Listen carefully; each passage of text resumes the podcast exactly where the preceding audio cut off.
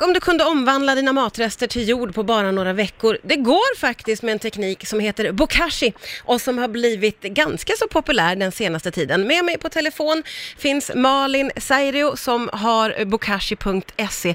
Vad är egentligen bokashi, Malin, skulle du säga? Oj, eh, hej! Jo, bokashi.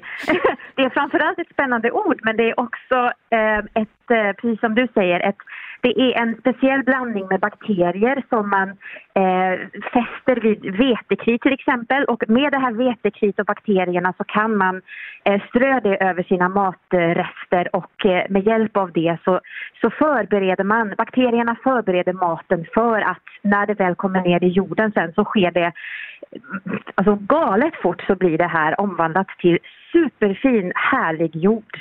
Och hur går det här till då? Kan, kan man säga det? Förklara det på något sätt. Ja, alltså det, det, man kan säkert nörda ner sig i massa svåra förklaringar men den enkla förklaringen är att de här bakterierna, eh, den här blandningen av bakterier samarbetar på ett sätt som gör att Eh, när, när man har en lufttät hink, för det måste man ha, ja. eh, och så har man eh, matavfall och det har de flesta mm. och sen så behöver man de här bakterierna. När de här tre sakerna finns och man, man, eh, man eh, blandar maten och bakterierna i en lufttät miljö, då, eh, då syras, alltså syrning är ju någonting som, som vi har använt väldigt länge för att konservera mat. Mm. Eh, bakterierna syrar maten och eh, dessutom så finns det några andra bakterier här som, som binder näringen, binder kol och binder kväve eh, och förbereder maten för att när de kommer i kontakt sen med jordbakterier så kan de samarbeta. Så det är väldigt mycket samarbete, det är liksom naturliga ja. processer, naturliga bakterier som, som bara älskar att samarbeta och Oj. resultatet blir att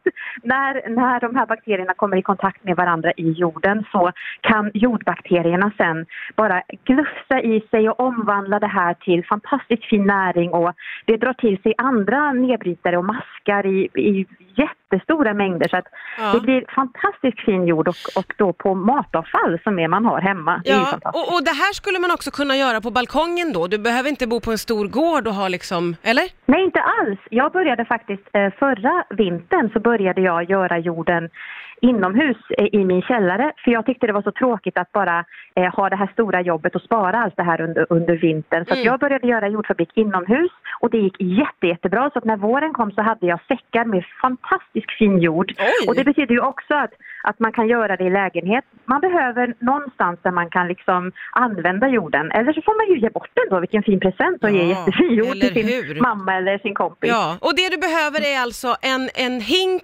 matrester och de här bakterierna, förstår jag dig rätt? Precis så är det. Och då kan du göra det praktiskt taget vart som helst. Och var får man sådana bakterier ifrån? Ja, det finns att köpa på nätet. Googlar du Bokashi så kommer det upp flera stycken. Vi är ju en av dem som, vi gör, vi gör eget strö i Sverige, vi är de enda som gör det, men sen finns det andra, andra som också håller på med det här. Så att, eh, det är bara att googla så kommer och, det upp. Och det verkar inte alls så svårt och så eh, blir man av med matsvinnet och där vill man ju vara med och hjälpa till, eller hur?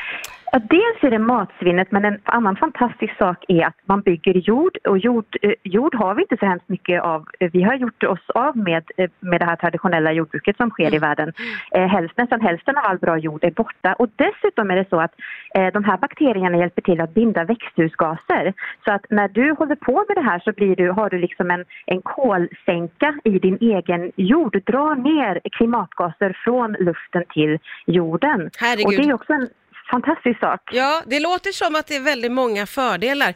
Kul att få lära sig mer om vad Bokashi är. Tusen, tusen tack Malin Sairio från bokashi.se. Nu har vi lärt oss något nytt här idag, många av oss. Tack snälla för att du var med på Rix FM. Ingen orsak. Tack så mycket.